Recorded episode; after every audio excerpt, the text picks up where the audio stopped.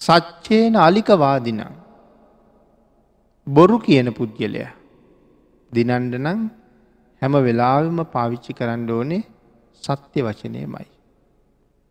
පින්නතන බොරුව අපේ භාග්‍යතුන් වහස දේශනා කරපු මේ පන්සෙල් වල අන්තර්ගත වෙන පස්වෙනි ශික්ෂාපදේ. හැබැයි මේ බොරුව කියන කාරණාව මෙ සෙල් පද පහේ බොහෝම ගැඹුරින් තියෙන කාරණාව.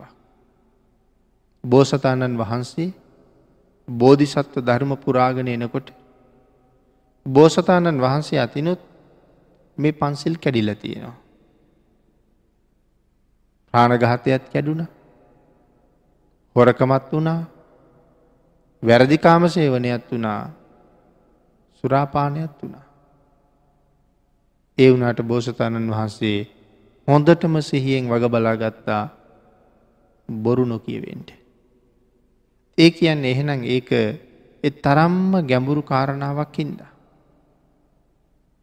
භාගිතුන් වහසේ ඒ නිසා එක තැනක සඳහන් කළා මේ ලෝක ඉපදිච්ච මිනිස්සුන්ගේ කටේ කෙටේරියක් තියෙනවා කියලා. කෙටේරිය කියලා කියන හරි තිවුණු ආයුධයක්. ඒක සාමාන්‍යෙන් පාවිච්චි කරන්නේ කපන්ඩ කොටන්ඩම තමයි. එතවට මිනිස්සුන්ගේ කටෙත් කෙටේරියක් තියෙනවලු. ඒමකදද මේ මිනිස්සුන්ගේ කටේ තියෙන කෙටේරිය. බාලෝ දුබ්බාසිතම් බනන් බාලයාගේ අඥ්ඥාන සහිත වෙච්ච නැත්තං දුර්භාෂිත වචනය එකැන බොරුව කේලම හිස් වචන පරුස වචන මේවාගේ දේවල් තමයි මේ සඳහන් කළේ බාලූ දුබ්බාසිතම් බන. එතකොට අර කෙටේරියෙන් වෙන කාටවත් කෙටුවා මේ කෙටේරියෙන් කාටද කොටන්නේ. මේකින් කොටා ගන්නේ තමන්ටමයි. බොරුවක් කිය හම වෙන කෙනෙකුට හානි වෙන්නේ අපිටයි හානිවෙන්න. බොරු ආහල රැවටිච්ච පුද්ගලයට මේ ලෝක වසයෙන් හානියක් වෙන්න පුළුවන්. නමුත් පරලෝක වශයෙන් එයාට හානියක් වෙන්න ඇනේ. නමුත් අපිට මෙලවත් පිරිහිලා පරලොවත් පිරිහෙන. ආ එනිසා බොරුව ගැන භාගිතුන් වහස ඒ විදිහටත් දේශනා කළා. ඊළඟට භාගිතන් වහසේ මේ බොරුව පිළිබඳව තව බොහොම කරුණු ගෙන් හැර දක්වපු සූත්‍ර පවාස් තියෙනවා. ඒ අතර මේ අම්බලට්ටික රාහුලෝවාද සූත්‍රය හරි වටින සූත්‍ර දේශනාවක්. කාටත බුදුරජාණන් වහස මේ සූත්‍රයේ දේශනා කරන්නේ. රාහුලෝවාද සූත්‍රයේ දේශනා කරන්නේ රාහුල පොඩි හාමුදුරුවන්ටමයි. ඇයි උන්වහන්සේට මේ සූත්‍රයේ දේශනා කරන්න භාගිතුන් වහස තීරණය කළේ පොඩි ළමයි හරිම කැමතියි බොරු කියන්ට. එක ඒගොල්ලන්ගේ විනෝදයක් හැබැයි තේරෙන්නේ නැතිහින්ද. අපි භාගිතුන් වහසේ වග බලාගත්තා. රාහුල සාමනේරයන් වහන්සේ අතින් විහිලුවකටවත් බොරුවක් කියවෙන්න ඇතිවෙන්ට.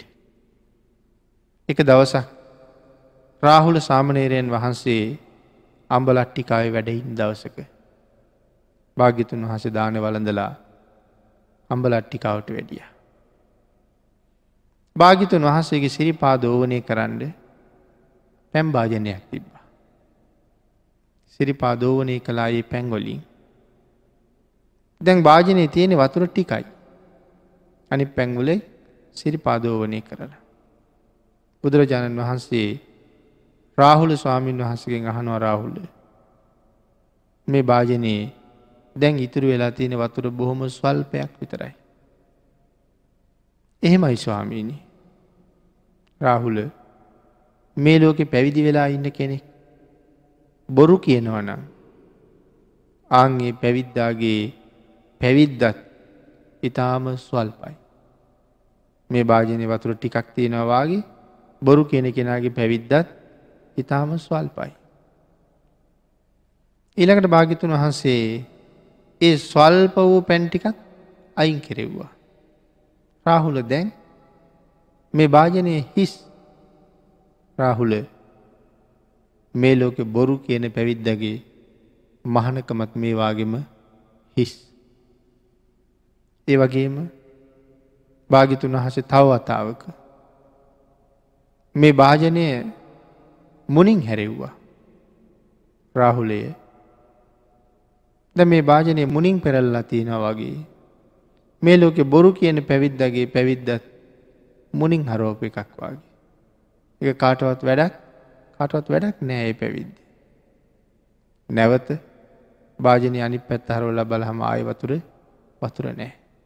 ඒ නිසා සඳහන් කළා ඒ භාජනය හිස් වගේ මේ බොරු කියන පැවිද්දගේ පැවිදිකමත් ඒ ජීවිතත් හිස්ස එකක් කියලා.